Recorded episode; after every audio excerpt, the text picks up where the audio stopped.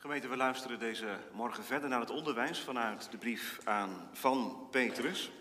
We lezen vanmorgen twee gedeelten uit de schrift. Allereerst wat Paulus zegt over vrouw en man in het huwelijk aan de hand van Efeze 5.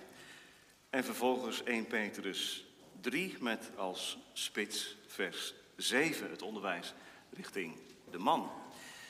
Eerst dus Efeze 5, vanaf vers 22 tot en met 33 als eerste schriftlezing. En dan lezen wij het woord van God en horen wij zijn stem als volgt. Vrouwen, wees uw eigen mannen onderdanig zoals aan de Here. Want de man is hoofd van de vrouw, zoals ook Christus hoofd van de gemeente is. En hij is de behouder van het lichaam. Daarom, zoals de gemeente aan Christus onderdanig is, zo behoren ook de vrouwen in alles hun eigen mannen onderdanig te zijn. Mannen, heb uw eigen vrouw lief, zoals ook Christus de gemeente lief gehad heeft en zich voor haar heeft overgegeven, opdat hij haar zou heiligen. Door haar te reinigen met het waterbad door het woord, opdat hij haar in heerlijkheid voor zich zou plaatsen.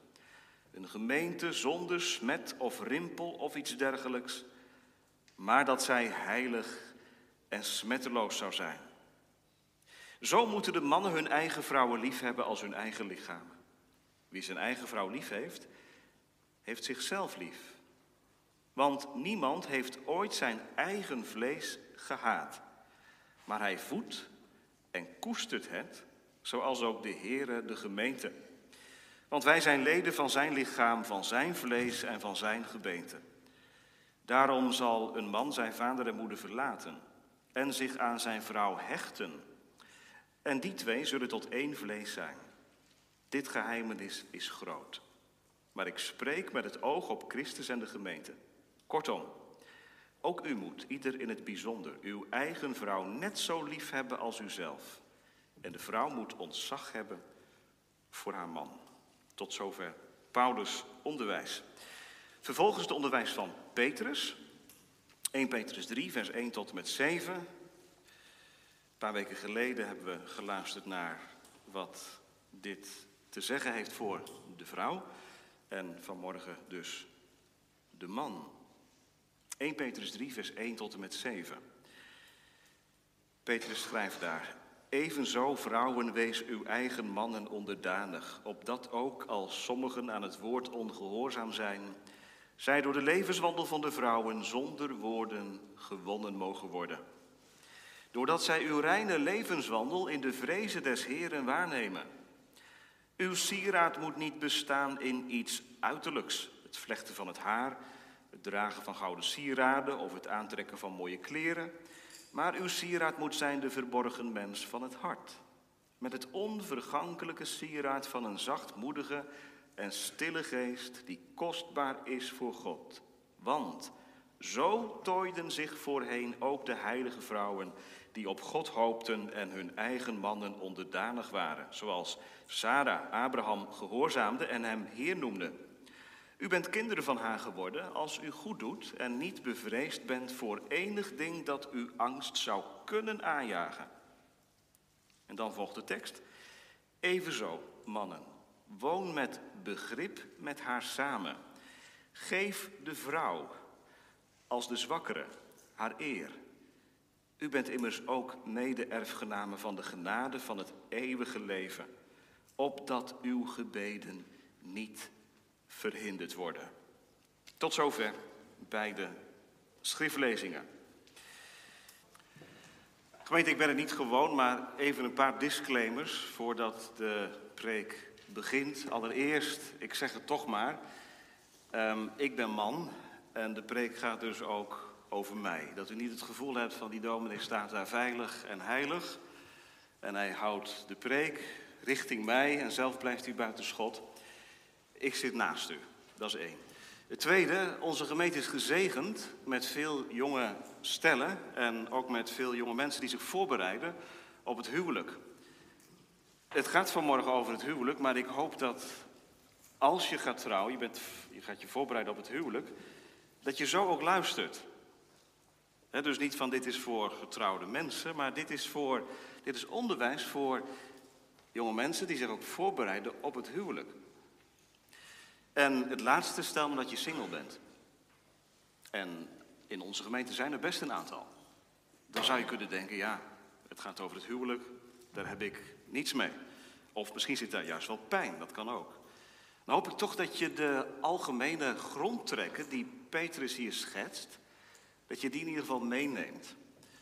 En zo toch het gevoel hebt van, ik zit er niet voor spek en bonen bij vanmorgen, maar het gaat ook over mij.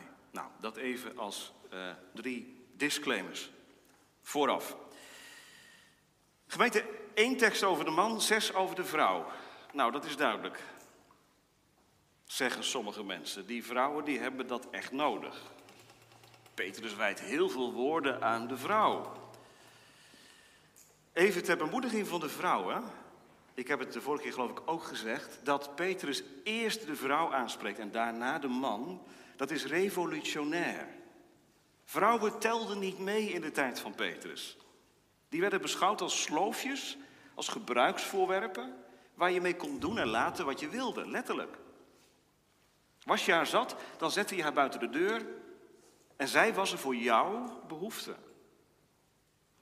Wat een revolutie. Petrus spreekt eerst de vrouwen aan en daarna de mannen. En mocht u denken, ja, de mannen hebben gewoon wat minder woorden nodig omdat ze het beter doen. Nou, mannen, we hebben onze handen vol hoor aan wat in vers 7 tegen ons gezegd wordt. Dus het is een eer voor de vrouw dat er zoveel woorden aan haar gewijd worden. Maar dan nu toch echt die man. En boven de preek heb ik uh, geschreven, man naar Gods hart. Wat houdt dat dan in? Man naar Gods hart. Drie dingen. Allereerst, hij leeft verantwoordelijk met zijn vrouw samen. Want we lezen even zo, mannen, woon met begrip met haar samen. Dat is het eerste. Op een verantwoordelijke manier. Dus niet alleen verantwoord, maar ook verantwoordelijk. Samenwonen, samen leven met je vrouw. Tweede, een man naar Gods hart respecteert de eigenheid van de vrouw. Want we lezen, Geef de vrouw als de zwakkere haar eer. Daar zit een stukje eigenheid in, dat de man moet opmerken en moet respecteren. En tot slot, hij geeft geestelijk leiding, want we lezen, u bent immers ook mede-erfgenamen van de genade van het eeuwige leven, opdat uw gebeden niet verhinderd worden. Als u denkt dat het is een ideaalbeeld, dat klopt. Het is een bijbels ideaalbeeld. Deze drie facetten die hier in de tekst naar voren komen. En ik hoop maar gemeente dat wij er niet de indruk aan overhouden dat wij het heel goed doen als mannen. Maar dat we gaandeweg de preek erachter komen, o God, wees mij genadig en help mij om dit in praktijk te brengen. En dan haal ik voorafgaand aan de preek even het zinnetje op uit het huwelijksformulier. Wat klonk toen u trouwde, toen u ja zei in de kerk. God wil zijn hulp geven aan de getrouwden, ook als we dat allerminst verwachten. Stel nou dat je hier zit of je luistert thuis mee en je huwelijk zit in een crisis. En het gaat nota bene over de functie van de man, over de rol van de man. Denk aan het zinnetje. Het huwelijk is een instelling die God behaagt en hij wil zijn genade bewijzen, ook wanneer we dat allerminst verwachten. Goed, laten we beginnen gemeente met gewoon te lezen, want dat is wat nodig is hè. Gewoon te lezen. Evenzo mannen, schrijft Petrus, woon met begrip met haar samen. Evenzo. Dat woordje klonk al eerder in vers 1. Lees maar mee hoofdstuk 3, vers 1. Toen ging het over de vrouwen. Evenzo. Het is een schakel, kinderen. Een schakel. En we gaan nog even terug. Die schakel gaan we nog even verder terug. Want waar begon Petrus mee? In vers 13 van hoofdstuk 2 heeft hij geschreven: Onderwerp u dan aan alle menselijke ordening omwille van de Heer. En we weten, Petrus heeft toen woorden gegeven aan hoe je in de samenleving, in de maatschappij als christen moet leven. Dat is publiek. Maar je huwelijk, dat is iets wat plaatsvindt achter de voordeur. Hè? Daar krijgen niet heel veel mensen veel van mee. Eigenlijk alleen je kinderen, als je die gekregen hebt. Die zien het meeste wat man en vrouw, wat vader en moeder doen. Dus kinderen, als jullie vanmorgen luisteren. Ja, het gaat over je vader en over je moeder. Jullie krijgen het meeste mee van hoe papa en hoe mama met elkaar omgaan. En ik hoop dat je vanmorgen ontdekt, hé, hey, mijn papa en mijn mama zijn geen volmaakte mensen, echt niet. Ze worden wel eens boos en ze schieten wel eens uit de slof, maar ik geloof dat mijn vader en dat mijn moeder met de Here willen leven. Evenzo, mannen. Waarom heeft Petrus het over het huwelijk nu? Dominee, we leven in een seculiere maatschappij. We moeten erop uit, we moeten evangeliseren. We moeten het woord aan de man brengen. Waarom heeft Petrus het nu over het huwelijk, terwijl hij het net had over de samenleving? Omdat het huwelijk het beste evangelisatiemiddel is. Toen en nu. De wijze waarop man en vrouw in een christelijk huwelijk met elkaar omgaan, dat is misschien wel het beste evangelisatiemiddel in de straat, in de buurt waar je woont. En als kinderen van, buur, van buren over de vloer komen, krijgen ze daar ongetwijfeld wat van mee. Hoe je als man en vrouw met elkaar eh, omgaat. Het huwelijk gemeente, een instelling van God, maar de zonde werkt ook daarin door. En in die tijd was het zo, ik heb er al een paar woorden aan gewijd, dat de man gewend was in die patriarchale maatschappij van toen om de lakens uit te delen, om te domineren. Dat is zonde en het wordt gevoed door de cultuur waar je in woont. Dus het is dubbel op geweest in de tijd van Petrus. Mannen, die konden doen en laten wat ze wilden. En vrouwen, gebruiksvoorwerp. En nu gaat Petrus de mannen aanspreken. Hoe ga je nou om met je vrouw? Nou, het eerste wat hij zegt is, woon met haar samen. En dan zeg je misschien, dat is toch logisch, want als je getrouwd bent, dan woon je toch onder één dak, hè? Nou, dat is geweldig. Onder één dak samenwonen. Samenwonen. Een tricky thema tegenwoordig, hè? want mag dat, mag dat niet? Gemeente, ik weet maar van één Bijbel samenwonen en dat is dit samenwonen. Daar rust de zegen van God op. Het samenwonen als man en vrouw in het huwelijk. En dat is meer dan samen onder één dak zijn. Eten, drinken, slapen, naar je werk gaan en weer thuiskomen. Samenwonen, dat is eigenlijk het, het hele leven met elkaar delen, verstrengeld met elkaar raken, op elkaar ingespeeld raken. En de man wordt nota bene aangesproken vanmorgen. Wij mannen worden aangesproken als de initiatiefnemers daartoe. Een man zal zijn vader en moeder verlaten zijn vrouw aankleven en die twee zullen tot één vlees zijn. En hier, mannen, woon met je vrouw samen. Dat is investeer in het huwelijk. En dat is onze taak, mannen. Hier worden wij als verantwoordelijke aangesproken.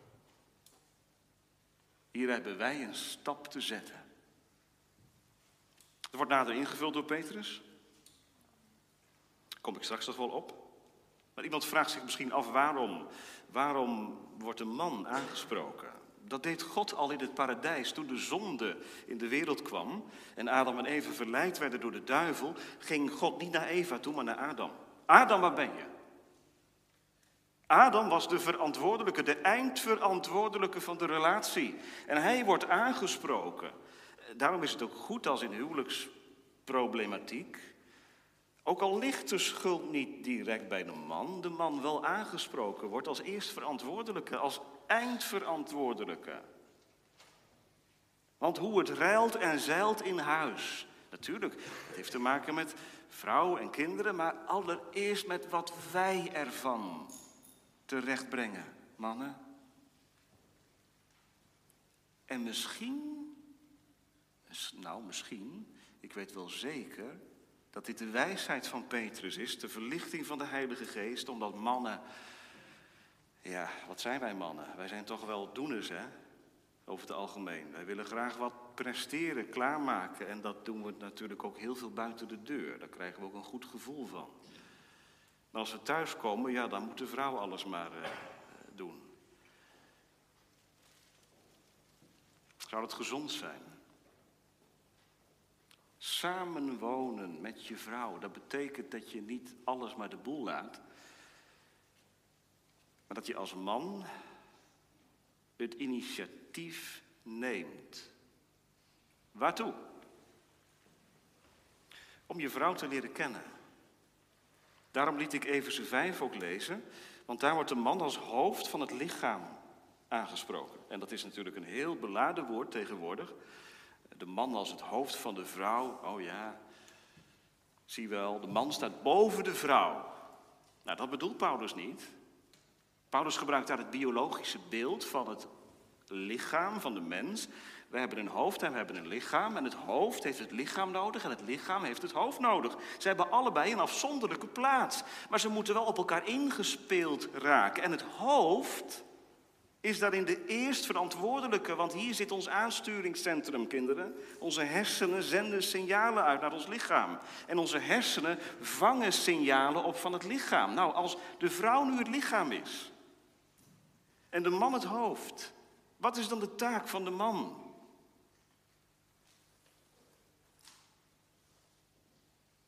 opvangen aan signalen, gevoelig raken voor wat je vrouw nodig heeft en wat het gezin nodig heeft en niet doordraven. Paulus gebruikt een prachtig beeld in Efeze 5 vers 28. Hij zegt, mannen, jullie hebben je lichaam toch lief? Misschien zit je op de sportschool. Je verzorgt je lichaam, je eet gezond, en je staat s'morgens voor de spiegel, want je moet er toch goed eh, voor de dag komen bij die afspraak. Nou, je verzorgt je lichaam, zegt Paulus. Dat doe je. Als je vrouw nu je lichaam is, dan heb je je vrouw lief en dan heb je haar te voeden en te verzorgen. Zoals jij je eigen lichaam verzorgt. Als je dat niet doet, wat gebeurt er nou, jonge mensen, als je je eigen lichaam verwaarloost? Als je maar eet wat je te pakken kunt krijgen. Als je niet doet aan beweging. Als je nooit voor de spiegel staat. Ik hoef je niet te vertellen wat er dan gebeurt. Dan gaat er iets heel erg mis. Mannen, voed je eigen lichaam, koester je eigen lichaam en heb daarom je vrouw lief. Woon met haar samen. Laat het niet zo zijn dat in je huwelijk twee kamers zijn. In die ene kamer leef jij, dat is de ene werkelijkheid. En die andere werkelijkheid, dat is het huwelijk. En daar kom je ook af en toe binnen. Maar die ene kamer is de grootste kamer. Daar leef je, daar troon je, dat is jouw ding. Woon met haar samen. Je zou, om een voorbeeld te gebruiken, kunnen denken aan het spelen van een muziekstuk. Als er iemand op pianoles zit, dan ben je solo-speler. Dan speel je een muziekstuk en dat speel je met twee handen. Maar je kunt ook een muziekstuk met z'n tweeën spelen. Het wordt een duo. Dat is wel moeilijker. Dat betekent dat je niet alleen de noten moet lezen, maar ook op elkaar ingespeeld moet raken. Het is prachtig als dat gebeurt, als dat kan. Nou, dat is het huwelijk eigenlijk, hè? Je bent niet solo aan het muziek spelen en je gaat helemaal op in wat je ten gehore brengt. Maar vierhandig muziekspel rekent met de ander, raakt ingespeeld op de ander, vraagt oefening. Hoe moet dat dan? vraagt een man vanmorgen. Petrus geeft het antwoord. Woon met begrip met haar samen. Daar staat het woordje gnosis. Dat is een bijzonder woord in dit verband. Dat betekent meer dan verstand. Al heeft het die lading ook wel. verstand, dat betekent dat je weet hoe je vrouw in elkaar zit. Wat ze nodig heeft, wat haar sterke punten zijn, wat haar zwakke kanten zijn. Misschien weet jij die als enige. Weet je die trouwens als man? Heb je dat scherp? Dat is samenwonen. Dat je fijngevoeligheid leert ontwikkelen voor het karakter van je vrouw. En dat is uniek. Want jouw vrouw is geen ander. Hoe leer je je vrouw kennen dan? Met verstand, met begrip. Dat betekent dat je elkaar leert aankijken. In de ogen, letterlijk in de ogen leert kijken. Wanneer is het voor het laatst geweest dat wij mannen op de bank zaten en met elkaar spraken?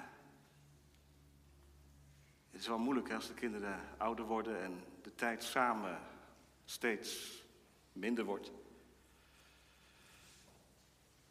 Dan moet je zoeken naar die momenten. In het zonder kinderen leek het allemaal heel eenvoudig. Ook al moest je daar wel aan herinnerd worden dat je met elkaar moet praten. Maar het wordt al ingewikkelder. Maar het is wel nodig, zegt Petrus. Woon met begrip met haar samen. Het woordje begrip betekent dat je in de relationele sfeer elkaar leert kennen. En gemeente, ik ga nou niet tien tips geven om dat in het huwelijk tot uitvoer te brengen. Daarvoor bent u hier denk ik ook niet. Ik ga dat niet voor u invullen, maar vanuit het woord geef ik wel deze aanwijzing mee. Vanuit 1 Petrus 3. Woon met begrip met haar samen. Dat betekent, laat deze tekst nou een aanmoediging zijn voor ons als mannen. Eén, om ons af te vragen, wanneer is nou voor het laatst geweest dat ik mijn vrouw echt gesproken heb?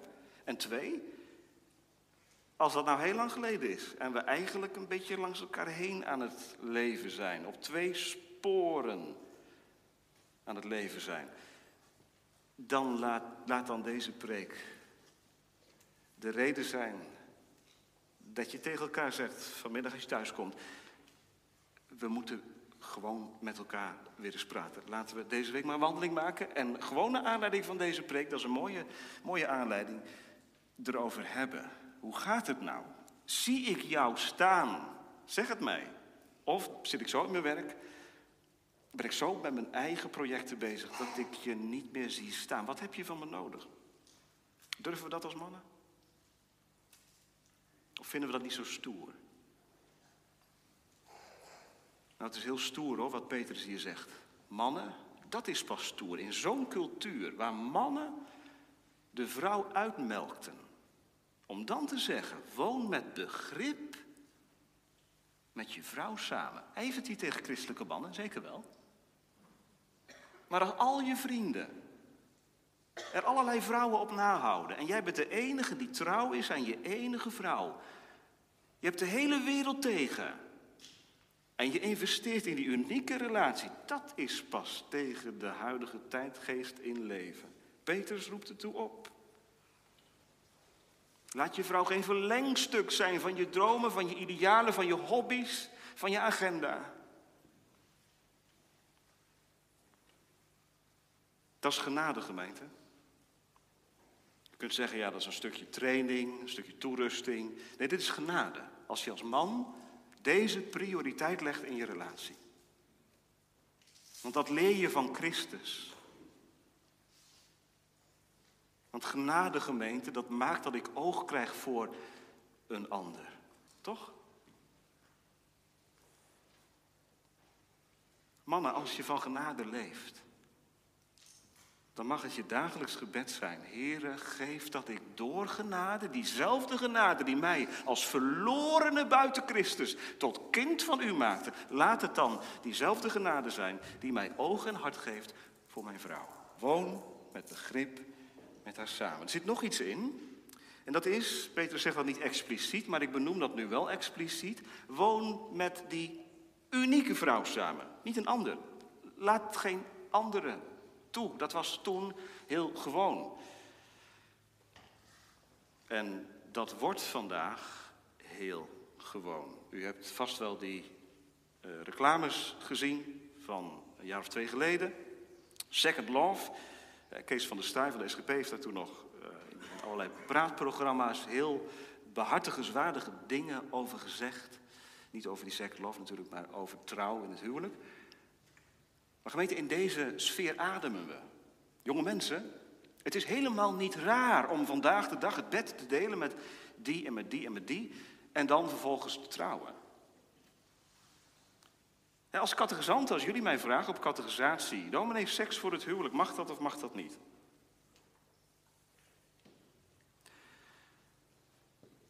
Nou ja, kijk om je heen, vraag aan je vrienden.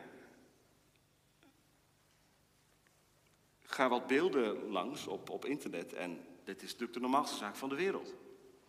Delen lichaam zonder je hart. No problem. Waar staat in de Bijbel dat dat niet mag?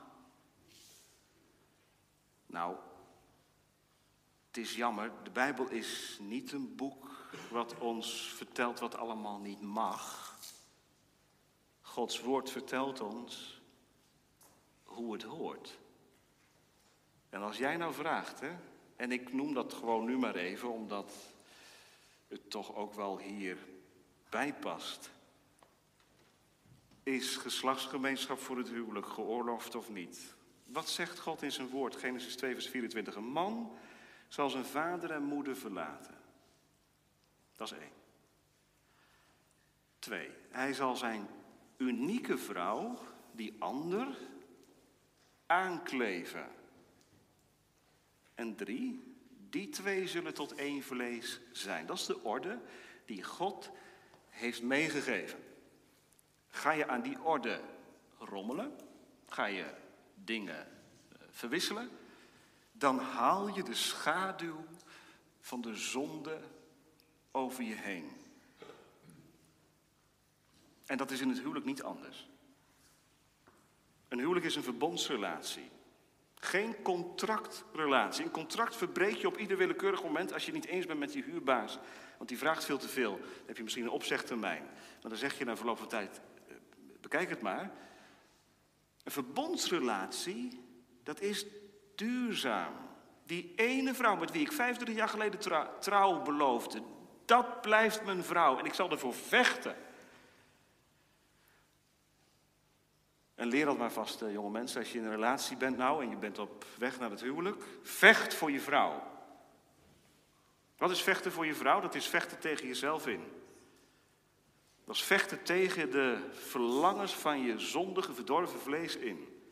Nee, die ene die u mij gegeven hebt, die beloof ik trouw. Nogmaals, dat was in de tijd van Petrus heel bijzonder dat Petrus dit punt aansnijdt. Want het is toch gewoon spannend, een avontuurtje buiten de deur. Waarom niet? Mannen, woon met begrip met haar samen. En als je op dit punt een scheve schaats gereden hebt, God weet het. En hij is barmhartig.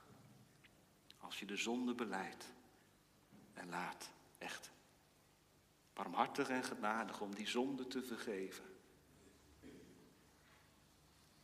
Dit is het Bijbelse ideaal. En dit Bijbelse ideaal, gemeente, zegent God, echt. Daar pluk je de vruchten van, dat belooft de Heer toch?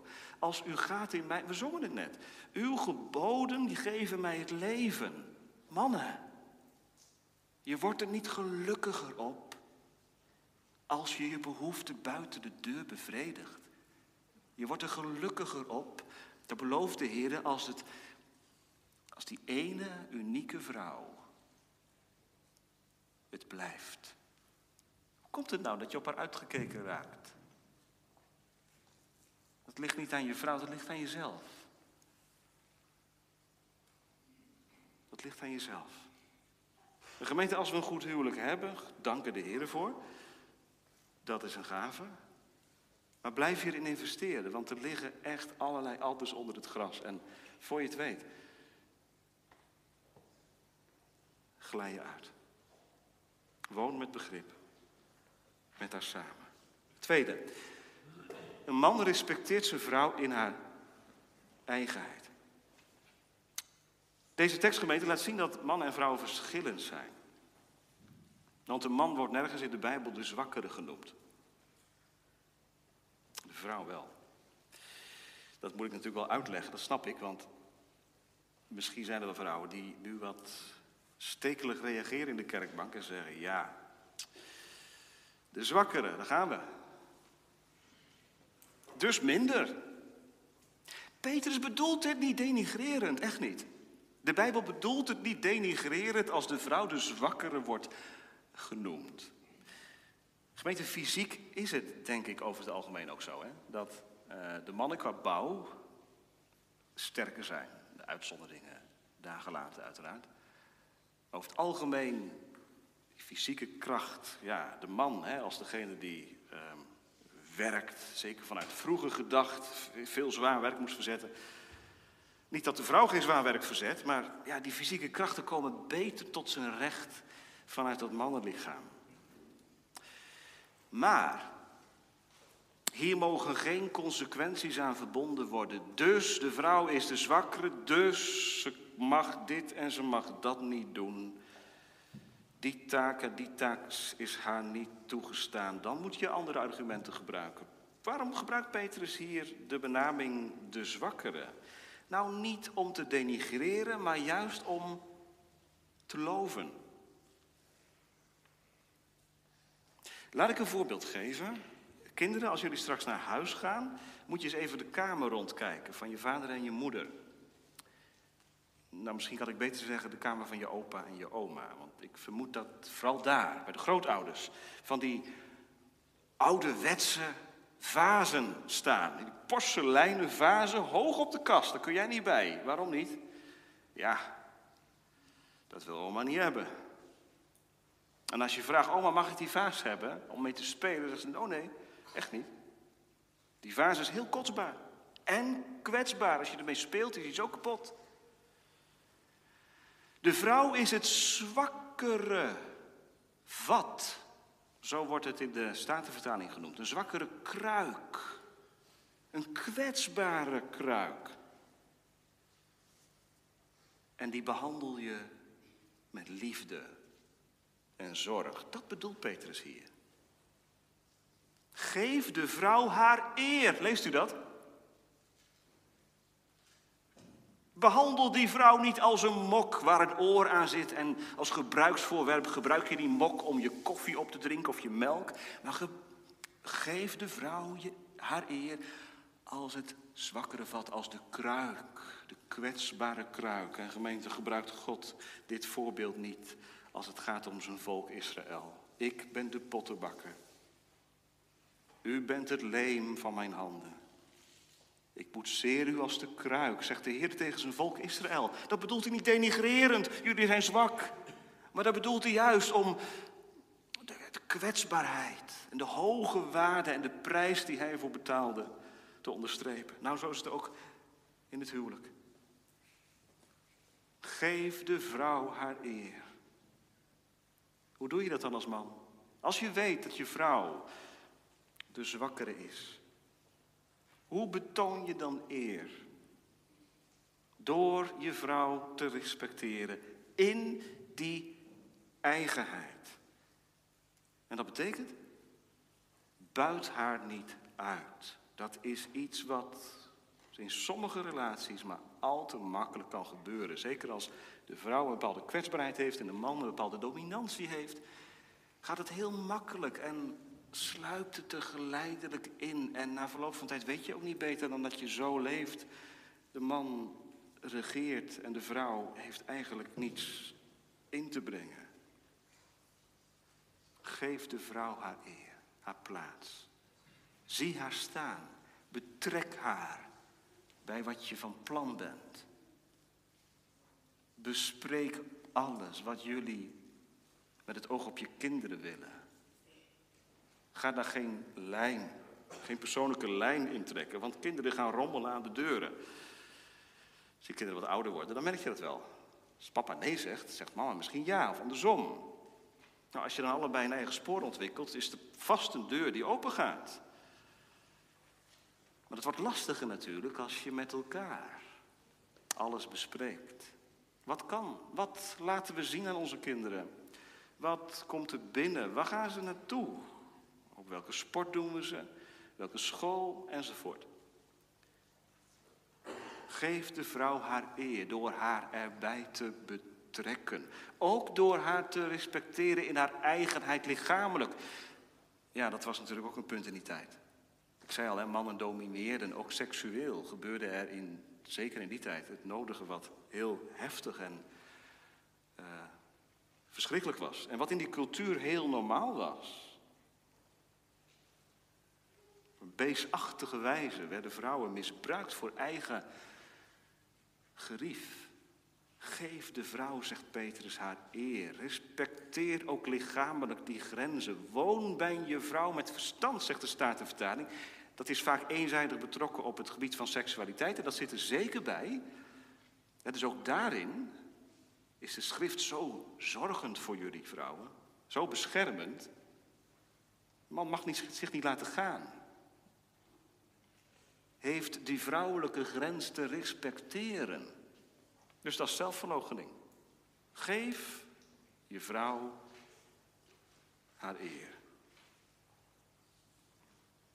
Een kruikgemeente, een vat, werd in die tijd meestal op het hoofd gedragen. Iedereen zag het. Een breekbare vaas. Daar zag je mensen mee lopen. Als je het over je vrouw hebt, in publiek, bij familie, hoe praat je over je vrouw? Met een ondertoontje van spot? Of meet je iets van haar kwetsbaarheid, maar al te graag uit, gewoon omdat het leuk is? Hebben je collega's ook wat te lachen? Dat is je vrouw naar beneden duwen.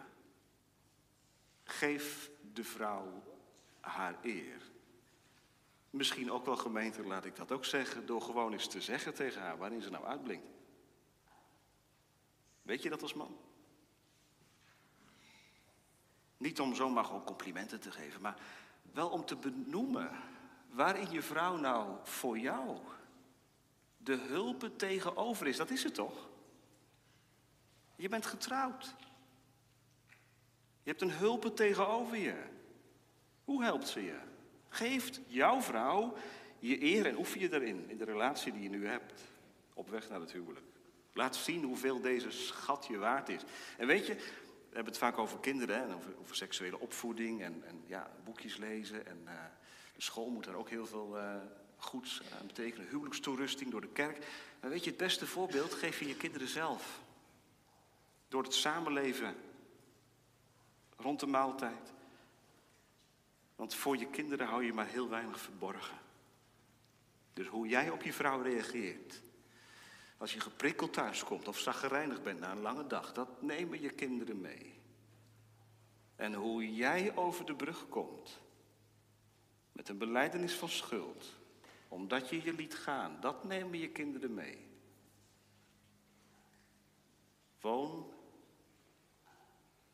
bij je vrouw met begrip. Geef haar eer. Trouwens, gemeente, is zwakheid eigenlijk erg? Wat zegt Paulus? Als ik zwak ben, dan ben ik machtig. Vrouwen, als je een man naast je hebt staan die weet wat het is om van genade te leven, dan zal hij beleiden, ik ben zwak, ik ben hulpeloos. Dat is de beste man die je kunt hebben, met al zijn fysieke kracht en met al zijn inzicht en met al zijn prestatiedrang. En wat heeft hij allemaal al niet bereikt? Wat heb je eraan? als je man niet van genade leeft. En gemeente, nu kom ik wel bij de, bij de kern ook van, van de tekst, hè, want in het vervolg gaat het over mede-erfgenamen. Nou, de spiegel naar de mannen vanmorgen dan maar vooral is, bent u nou zo'n erfgenaam van het eeuwige leven? Het is heel, heel schizofreen, hè? dat we denken dat we in het huwelijk, dat kunnen we allemaal zelf wel als christenmannen. Huwelijkstoerusting? Nee hoor. Het gaat toch vanzelf. Je woont onder één dak en nou, dan komen de kinderen en ja. Ik vind het veelzeggend gemeente dat Petrus, als het gaat om het huwelijk, het heeft over u bent mede-erfgename van, het, e- van de genade van het eeuwige leven. Gemeente, voor het huwelijk heb je net zoveel genade nodig van boven als om persoonlijk als zondaar voor Christus te staan. Je hebt genade nodig om het huwelijksleven te leven. En dat brengen we bij de laatste gedachte. Een man geeft geestelijk leiding. Maar hoe moet je nou geestelijk leiding geven? Als je zelf niet geleid wordt. Mannen, dan is er vanmorgen maar één weg. Dat is dat je met je ego, wat nog veel te groot is, tot Christus vlucht. En hem maar zegt, heel eenvoudig en recht toe recht aan. Ik word aangesproken als mede-erfgenaam van het eeuwige leven in de kerk. Maar ik geloof dat ik er niet ben. Ik ben geen mede-erfgenaam van het eeuwige leven. En ik ben wel getrouwd. Hoe kun je nou getrouwd zijn? En hoe kun je nou je vrouw christelijk bijstaan als je zelf niet van genade leeft? Ja, dat brengt wel in een spanning vanmorgen. Maar dat is niet erg. Dat is niet erg. Laat dat maar gebeuren. Maar gemeente, even voor de duidelijkheid. God drukt die man vanmorgen niet weg hoor. Die in de kerkbank hier zit of meeluistert thuis en die zegt: Ja, ik ben geen mede-erfgenaam van het eeuwige leven. Ik leef wel christelijk en ik voed mijn kinderen wel christelijk op, maar ik, ik leef niet van genade. Dan is er vanmorgen de handreiking van hem: Kom, kom. Al ben je 25 jaar getrouwd. Of al sta je aan het begin van het huwelijk, je kent de Heer Jezus Christus niet. Weet je, je kunt erfgenaam van het eeuwige leven worden. Dat is het wonder van ieder die van, van God geleerd wordt. Je krijgt het uit genade. Kom over de brug met, met dat leven van je. Dat is bekering. En niet langer volhouden. Maar door de knieën gaan. U bent mede-erfgenaam. Dat zegt Petrus. Tegen de mannen. En tegen de vrouwen, ziet u dat? Dat is mooi. Voor Christus zijn man en vrouw gelijk. Kijk maar. U bent ook, zegt Petrus, net als de vrouw, u bent ook mede-erfgenaam van het eeuwige leven. Gemeente, dat brengt mij vanmorgen bij de kern. Want waar ontmoet je elkaar als man en vrouw nu? In de kern. Ik hoop voor Gods aangezicht. Ik hoop dat je dat kent, hè? samen bidden. Dat is best ongemakkelijk als je gaat trouwen, misschien zeker als je niet gewend bent van huis uit. Maar op de huwelijkskring leg ik het uit en ik hoop ook dat het gebeurt en ik geloof ook dat het echt in de meeste gevallen gebeurt. Al is het met hakkelen en met vallen en opstaan, maar dat de man zijn priestertaak gaat waarnemen. Al is die misschien van huis uit helemaal niet gewend. Jullie baden altijd stil aan tafel. Of je vader gebruikte een formuliergebed, dat kan ook.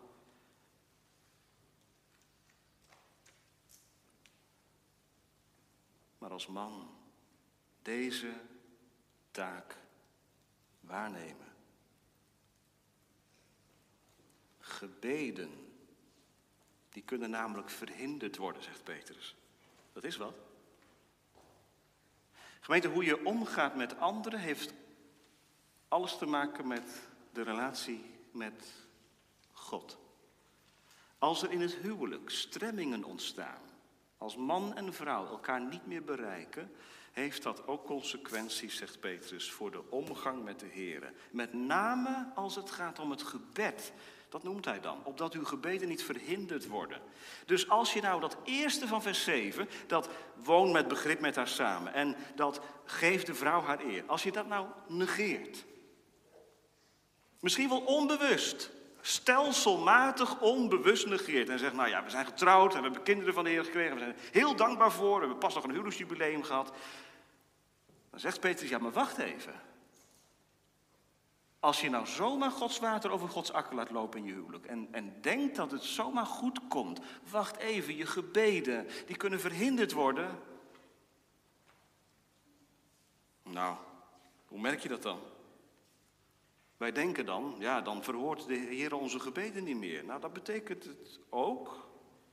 Maar weet u, het betekent nog veel meer dat er praktisch niet meer gebeden wordt. Ga maar na, gemeente in je huwelijk? Wanneer gaat het gebedsleven, wanneer leidt het gebedsleven? Gaat het naar beneden? Als het in de relatie schuurt, ga je niet meer samen bidden, toch? Of ja, je doet het wel, maar je schaamt je eigenlijk. Maar als het nou tussen man en vrouw open is, als er nou een relatie is van liefde en trouw, mannen, kun je toch ook bidden? Ja, ik bedoel niet mooie gebeden. Maar dan kun je je hart toch openen voor het aangezicht van de Heer. En dan maakt het niet uit of je vrouw erbij zit. Dan mag je samen klein worden voor Gods aangezicht. Want je bent samen mede erfgenamen van de genade van het eeuwige leven. De genade, het komt je niet aanwaaien. Je hebt het ook niet verdiend. Maar het eeuwige leven, gemeente, dat is de horizon van een christenman en een christenvrouw. En dit is dan wat het verschil met een niet-christelijk huwelijk. Want de dingen die ik genoemd heb tot nu toe, vind je ook wel in niet-christelijke huwelijken. Ik ken ze, u misschien ook wel, relaties van liefde en trouw, terwijl man en vrouw nergens aan doen. Waar man en vrouw op een mooie, goede, je zou maar zeggen, bijbelse manier met elkaar omgaan. Maar wat is nou het verschil met een christelijk huwelijk? Een christelijk huwelijk heeft een horizon. En dit is de horizon. Paulus noemt het in Efeze 5. Mannen, heb uw eigen vrouwen lief, zoals ook Christus de gemeente lief gehad heeft en zich voor haar heeft overgegeven, opdat hij haar straks in heerlijkheid voor zich zou plaatsen. U bent mede-erfgename van de genade van het eeuwige leven als man en vrouw in het huwelijk hun plaats weten en met Gods genade hun taak willen waarnemen, zal dat het geestelijk leven ten goede komen. En mag je samen ook in periodes van diepe rouw en groot verdriet en veel tegenslag elkaar aankijken en zeggen: dan noem je de naam van je vrouw, van je man. Maar weet je, het gaat wel ergens naartoe, hè? Dat weten we toch van elkaar. Dat dit leven voorbij gaat, maar wat, dat wie de wil van God doet, bestaat tot in de eeuwigheid. Er is geen groter goed, man en vrouw, dan dat je dit van elkaar weet. Dat je dit met elkaar beoefent, in alle gebrek, in alle voorlopigheid. Maar dat je kinderen iets meekrijgen van de vrezen des Heren, van de omgang met God in het huwelijk. En als je niet weet wat je bidden moet, ik vind bidden zo moeilijk, zegt iemand, bid het onze Vader dan. Begin daar maar mee eh, in je relatie, jonge mensen, als je samen de dag afsluit. Onze Vader. weet je wat nou zo mooi is? Dat Heer Jezus in het Onze Vader ons woorden in de mond legt om het weer recht te krijgen als het in de relatie scheef is gegroeid. Mannen, wanneer wij ernst maken met de woorden van de Heer Jezus, vergeef ons onze schulden gelijk ook wij vergeven onze schuldenaren, zullen we de vrede van het samenwonen ervaren. En dan zijn we niet alleen man en vrouw, maar ook broeder en zuster in Christus. We gaan afronden, gemeente. Mannen, Waar gaan we voor? Je bent in de kerk vanmorgen. Morgen begint ons werk weer. En we gaan er weer voor, toch? Project zus. Taak zo. Je popelt misschien wel. Maar het huwelijk gaat eraan vooraf. Dat is de dragende grond. En laten we vanmorgen onze vrouw maar aankijken als we thuiskomen en koffie gaan drinken of in de auto. En bedenken. Gemeente, ik kan dat niet voor u zeggen, u kunt dat niet voor mij zeggen. Dat hoeft ook niet. Maar ik kan vanmorgen en u kunt vanmorgen wel bedenken, is mijn huidige levensstijl en mijn werkstijl, is die bevorderend voor het opbloeien van mijn vrouw of niet? En als ik op dat punt geen zeker antwoord kan geven, dan zeg ik twee dingen. Allereerst dat we met overgave straks Psalm 86, vers 6 mogen zingen. Leer mij naar uw wil te handelen. Ik zal dan in uw waarheid wandelen. Maar ten tweede ook dat we ons vandaag hebben te bekeren.